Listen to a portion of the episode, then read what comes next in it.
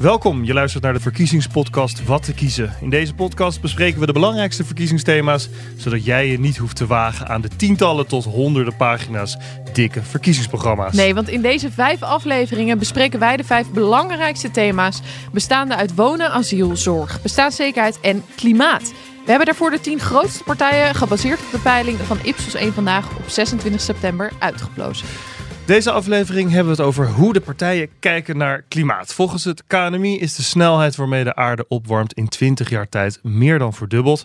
En uit onderzoek van INO Research blijkt dat jongeren zich op de eerste plek zorgen maken over klimaatverandering. Dus tijd om te kijken waar de partijen in verschillen of juist met elkaar eens zijn op het gebied van de klimaatplannen. Laten we beginnen met de klimaatdoelen van Nederland. Met alle lidstaten van de Europese Unie is namelijk afgesproken in het klimaatakkoord van Parijs dat de aarde onder de twee, of de opwarming van de aarde onder de 2 graden moet blijven. Ja. Met inspanningen voor eigenlijk maximaal anderhalve graad.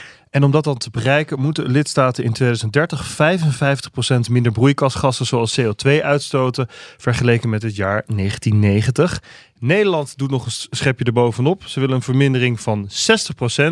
Het klimaatakkoord zegt verder dat we in 2050 helemaal klimaatneutraal moeten zijn. Dat betekent dan nul CO2-uitstoot. Er zijn vier partijen die willen blijven vasthouden aan die klimaatdoelen van Parijs, namelijk VVD, NSC, BBB en CDA. BBB wel opvallend. Is opvallend inderdaad. Uh, Had ik niet verwacht van tevoren. Nee, die, die zeggen de afspraken zijn nou eenmaal gemaakt in hun uh, programma. De PVV wil dat Nederland volledig stopt met het verminderen van de uitstoot. Zij vinden het veel te veel geld kosten. De SP heeft alleen in het programma staan dat de CO2-uitstoot wereldwijd teruggedrongen moet worden. En dat alleen uh, dat maar kan door de vervuilende industrie aan te pakken. Ja, zoals Tata en Gemoers, de vervuilende industrie. Uiteindelijk hou je dan nog vier partijen over. Ik heb even gekeken, die willen allemaal juist ambitieuzere plannen dan het Parijsakkoord. De linkse partijen zijn het op volgorde van meest naar minder ambitieus. Partij voor de Dieren wil een maximale opwarming van de aarde van anderhalve graad. En in 2030 al helemaal geen uitstoot van broeikasgassen meer. Dan GroenLinks Partij van de Arbeid van Timmermans. Die partij wil ook maximaal anderhalve graad opwarming. En in 2030 65% minder uitstoot. En als laatste willen D66 en ChristenUnie beide 60% minder uitstoot in 2030. Een volledig klimaatneutraal Nederland moet wat GroenLinks, Partij van de Arbeid en D66 betreft al in 2040. Dat is dus tien jaar eerder. Nou, dat waren ook wel de partijen waarvan te verwachten was dat ze zoveel uh, het klimaat uh, noemen en er zoveel voor willen doen. Met name Partij voor de Dieren, GroenLinks, PvdA en D66. Dan denk je ook, zijn er dan nog verschillen tussen die drie klimaatpartijen. Ja, zeker. De Partij voor de Dieren komt uh, vooral voor de dieren op. Nee, uh, ze zijn met het voorstel bezig dat de minister-president elke maand een klimaatpersconferentie moet houden. GroenLinks Partij van de Arbeid ziet zo'n persconferentie ook wel zitten. Maar zij vragen om een regelmatig moment en dan gewoon door de minister van Klimaat. Ja, dat is wel een enorm verschil inderdaad in standpunt. ja. ja. D66 komt met een ander opvallend voorstel. Zij zeggen dat de regering met eh, CO2 moet omgaan zoals met geld. Voor elk voorstel dat uh, leidt tot meer CO2-uitstoot, moet je dan ergens dat weer compenseren en dus minder CO2 uitstoten. Dus als je net zoals dat je geld uitgeeft, je geeft mm -hmm. geld uit, moet je dat ergens anders wel weer vandaan halen. Nou, dat willen ze dus ook met CO2, zodat dat allemaal gecompenseerd wordt. Ja, nog een ander opvallend verschil tussen partijen. D66, dat zien we echt heel vaak terug. Die wijzen weer naar een Europees niveau qua uh, klimaatverandering. Het grote plaatje met elkaar dat doen. Terwijl GroenLinks, Partij van de Arbeid, als het gaat over klimaatmaatregelen, ook heel erg focussen op wat kunnen we doen voor die Nederlandse huishoudens op lokaal en regionaal niveau. Ja, dus de partijen zijn het grotendeels erover eens dat we minder broei broeikasgassen moeten uitstoten.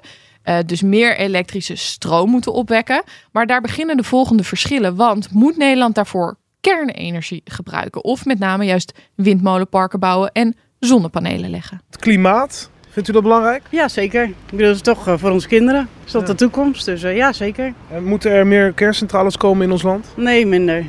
Ja, ja. Nee, ik ben wel meer voor uh, de windenergie. Moeten er meer kerncentrales komen? Wat mij betreft wel. U zegt meteen ja. Waarom is dat zo hard nodig? Omdat, uh, we gewoon, omdat uh, windmolens en de zonnepanelen het niet redden.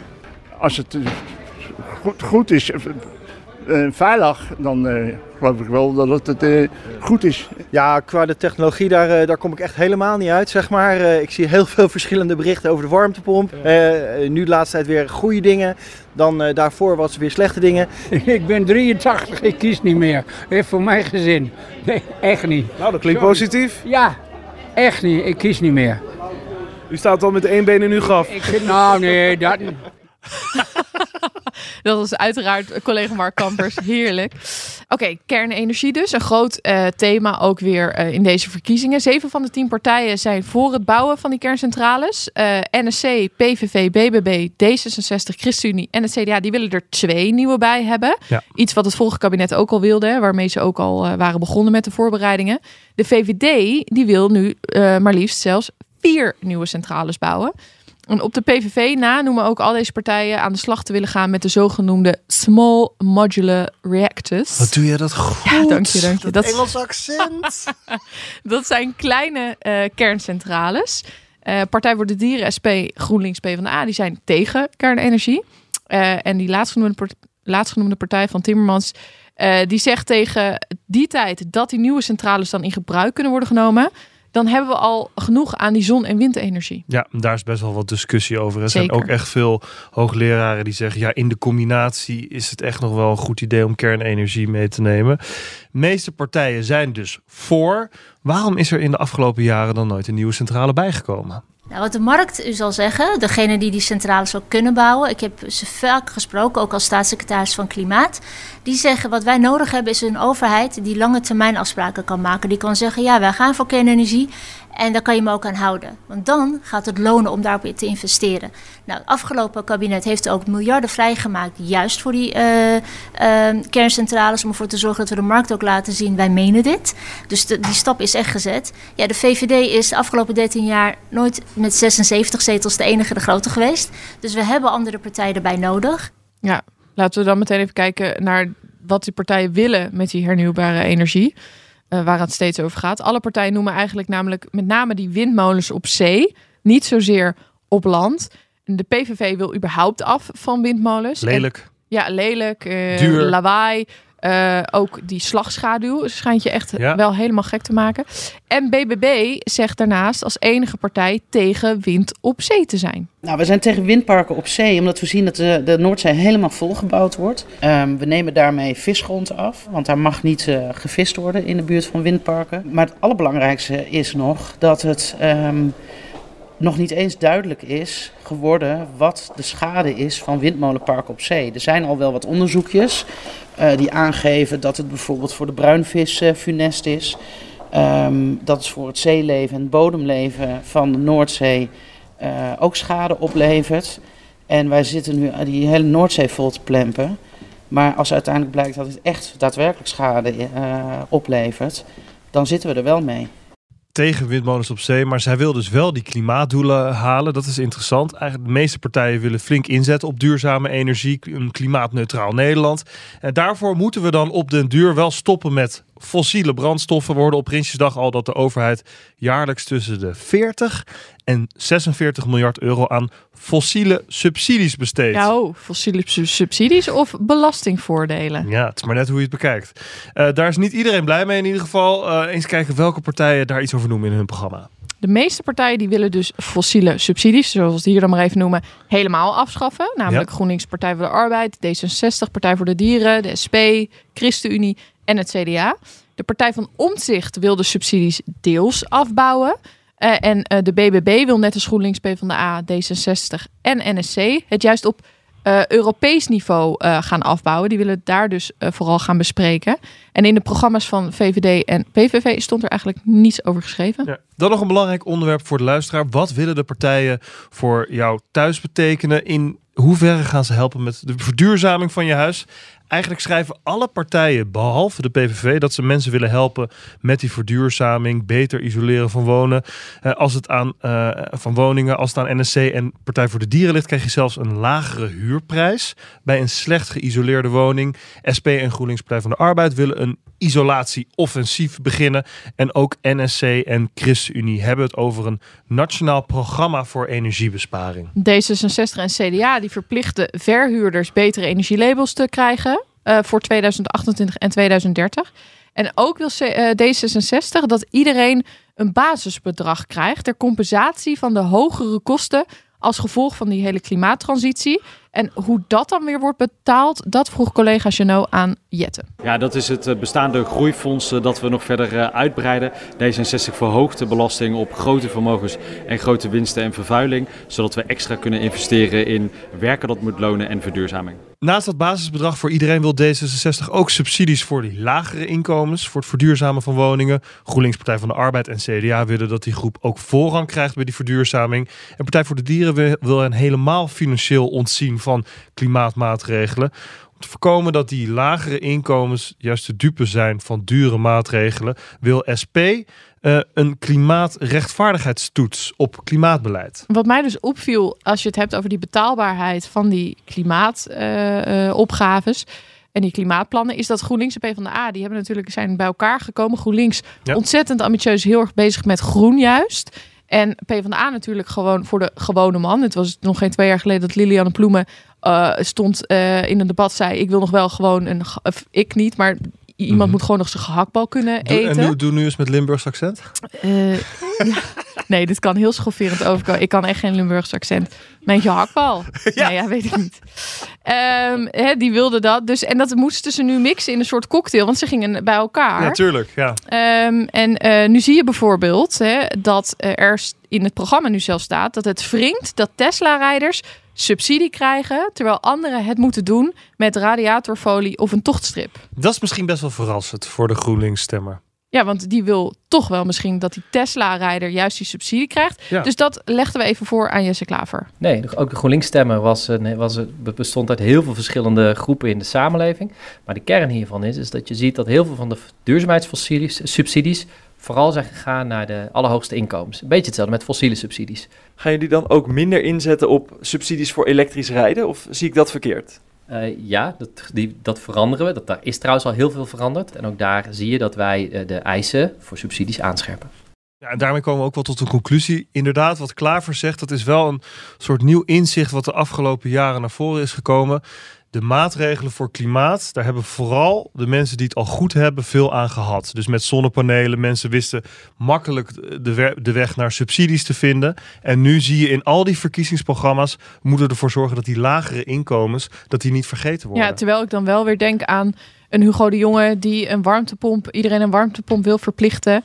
Eh, en daar een subsidie voor, voor beschikbaar stelt. En nou als goed je, toch, subsidie? Ja, maar niet volledig. En als je dan niet de rest kan betalen, kun je dat tegen heel eh, eh, gunstige dingen lenen. Ja, je wil niet le- hoeven lenen als iets je wordt verplicht. Dus het schuurt nog wel af en toe natuurlijk. En dan heb je het nog over die salderingsregeling met zonnepanelen. Allemaal van die dingen die toch nog een beetje hier tegenaan schuren. Maar hele grote plannen. Heel veel partijen zijn het erover eens. Er moet wat gebeuren eh, aan Ja. klimaatverandering. En als je echt op zoek bent naar de details, dan moet je nog even die partijprogramma's Zeker. erbij pakken. Dan is het tijd voor nog wat opvallende dingen. Verkiezingsprogramma moet je ook zien als een wensenlijst. Nou ja, goede tip. We, we kunnen het niet meer aanpassen. Is het dan weg met de sushi, weg met de pizza en de stamppot terug op tafel? Nee joh. Meer oog voor elkaar en minder voor de smartphone. Hoe zien we dat voor ons? Als het lukt zonder de VVD, heel graag. Welke ga ik u zeggen? Dankjewel. En ik hoop dat je ook precies dit stuk dan gaat uitzenden. Gezin is belangrijk. CDA is een gezinspartij. Het eerste opvallende punt komt dit keer van Partij voor de Dieren. Ze willen een verbod op privéjets en superjachten. Zeg jij jets? Of jets. Vliegtuigen. Ja, opvallend. Ehm, ja, en eh, collega eh, Hanna Warner, die vroeg er naar. Dat is best een grote ambitie. Hoe wilt u dat gaan doen? Nou, ik denk dat het om te beginnen echt oneerlijk is dat eh, mensen met heel veel geld enorm vervuilen. eh, en dat mensen met weinig geld niet eens hun boodschappen kunnen betalen. En ook last hebben van ja, de vernietiging van natuur, de opwarming van het klimaat. Dus je moet dat eerlijk doen. Nou, wat is dan eerlijk? Gewoon echt wel zeggen, joh, die privévliegtuigen, dat kan niet meer. Eh, en dan zou je dus de vergunning kunnen intrekken. En wat gebeurt er dan met die voertuigen? Nou, ik denk dat, eh, dat die omgebouwd kunnen worden en een duurzame bestemming kunnen krijgen. Heb ik nog niet over nagedacht. Het is wel eh, in de praktijk heel moeilijk. Ja, NRC, die, NRC heeft eh, het gecheckt. Ja, NRC die, die checkt wat van dit soort plannen, z- opvallende plannen eigenlijk, uit partijprogramma's. En zij komen tot de conclusie dat het sowieso heel moeilijk gaat worden, want het is eigendomsrecht ook. Ehm, Je gaat tegen grondrechten in. Ja, tegen grondrecht in. Zij, zij, eh, de, de partij put dan wel weer hoop, staat er ook uit het feit dat er nieuwe grondrechten bij komen. Namelijk het grondrecht op een gezond klimaat, et cetera. Ehm, maar dan komt helemaal aan het einde ook nog de vraag: heeft het überhaupt zin? En dan zegt eh, Lammert van Raan, een Kamerlid van de Partij voor de Dieren, ja, nee, eigenlijk niet. Het aandeel van deze vervuilers is te klein. Maar het gaat vooral ook, hij is heel eerlijk, het gaat om de signaalwerking. Ze willen eh, een signaal uitstralen. Ja, nou ja, goed. Eh, dan nog een opvallend dingetje. Ehm, we weten natuurlijk allemaal, zeker na deze podcast, het CDA is een gezinspartij. Oh, jeetje, wat bombastisch. Maar na het lezen van hun programma is dit nog duidelijker geworden. Collega Hanna Warner vroeg aan partijleider Bontebal hoe vaak het woord gezin voorkomt in het programma. Ja, maar die gaat u niet krijgen. Want als ik het verkeerde getal geef, dan zegt u ja, u, heeft, u kent uw eigen programma niet. Dus in die val ga ik niet trappen. Nee, dat was niet eens mijn bedoeling. Uh, het viel me namelijk op dat het er heel vaak in stond. 54 keer. Um, nee, dat klopt. Wij zijn een gezinspartij. Het gaat er niet om hoe vaak het woord gezin gebruikt. Het gaat erom uh, wat staat echt in je programma. Zet het gezin ook weer centraal. Help het gezin. Het zit er vaak in het spitsuur. Wij zeggen steeds, als het goed gaat met het gezin, dan gaat het uiteindelijk ook goed met samenwerking. Nou, ze hebben toch een stuk of vijf keer weer het woord gezin gehoord. Dankjewel. En ik hoop dat je ook precies dit stuk dan gaat uitzenden. Gezin is belangrijk. CDA is gezinspartij. Wat is die man achterdochtig? Ja, hij vertrouwt er helemaal nee, niet. stel je voor dat hij een verkeerd getal noemt. Ja, Ja. Oh, oh, heel, ja heel achterdochtig. Maar het eh, stuk is uitgezonden weliswaar in eh, versnelde eh, tijd. Ja. Maar het is uit. Het is hem gelukt. Maar ze zijn dus, ze zijn namelijk, Jette die wist natuurlijk dat minimumlonen ook niet. Uit, daar Ja. zijn ze natuurlijk altijd bang voor. Maar dit is dan bij uitstek iets waarvan je denkt, joh, daar kun je toch gewoon antwoord op geven. Ja, dat was alweer de laatste aflevering van Wat te kiezen. Bedankt voor het luisteren naar deze afleveringen. Hopelijk hebben jullie er iets aan gehad. En kunnen we met zekerheid met z'n allen gaan stemmen op 22 november. Heel veel succes.